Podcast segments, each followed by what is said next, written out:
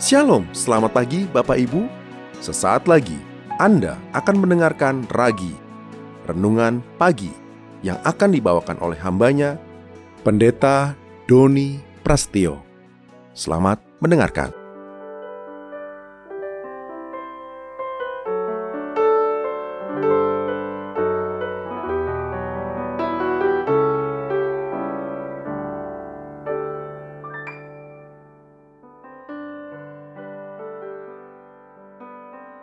Shalom.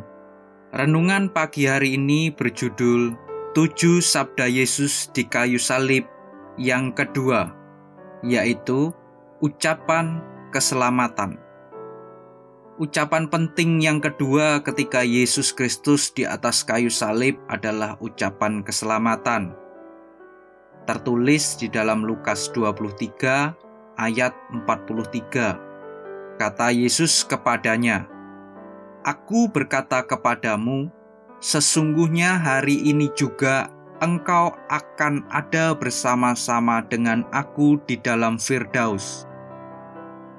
Konteks ayat ini terjadi pada saat Yesus berada di kayu salib di tengah penderitaan yang sedemikian hebat.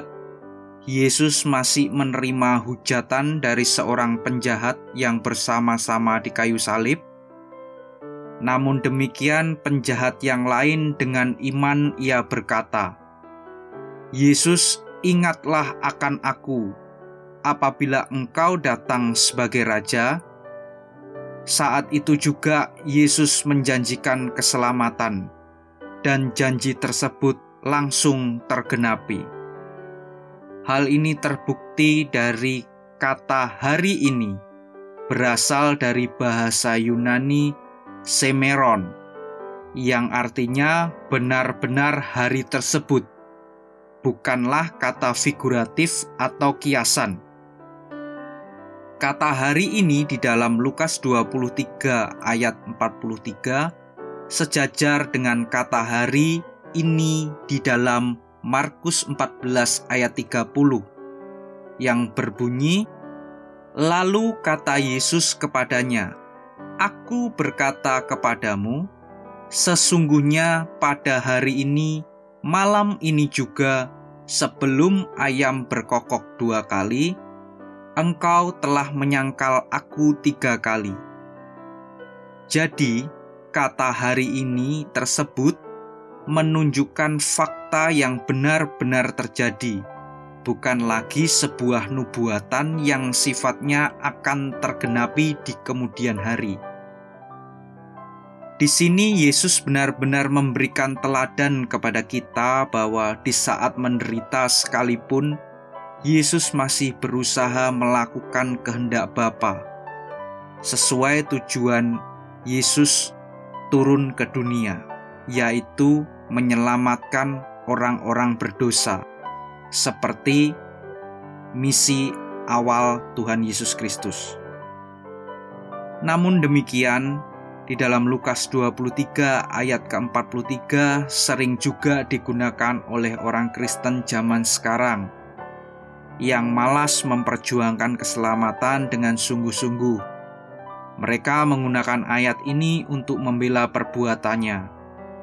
Ya, saya nanti bertobat kalau sudah mau mati, seperti penjahat yang diselamatkan Yesus. Cukup dengan beriman, lalu diselamatkan. Tetapi pertanyaan berikutnya yang muncul adalah: kita tidak tahu kapan kita akan mati. Sebuah kejadian atau konteks yang sama sekali berbeda jika dibandingkan dengan posisi penjahat yang diselamatkan Yesus pada saat itu. Hendaknya kita sebagai umat Kristen dengan sepenuh hati memperjuangkan keselamatan yang telah diperjuangkan oleh Yesus Kristus hingga mati di kayu salib. Hendaknya renungan pagi hari ini mengingatkan kita bahwa begitu pentingnya nyawa setiap manusia.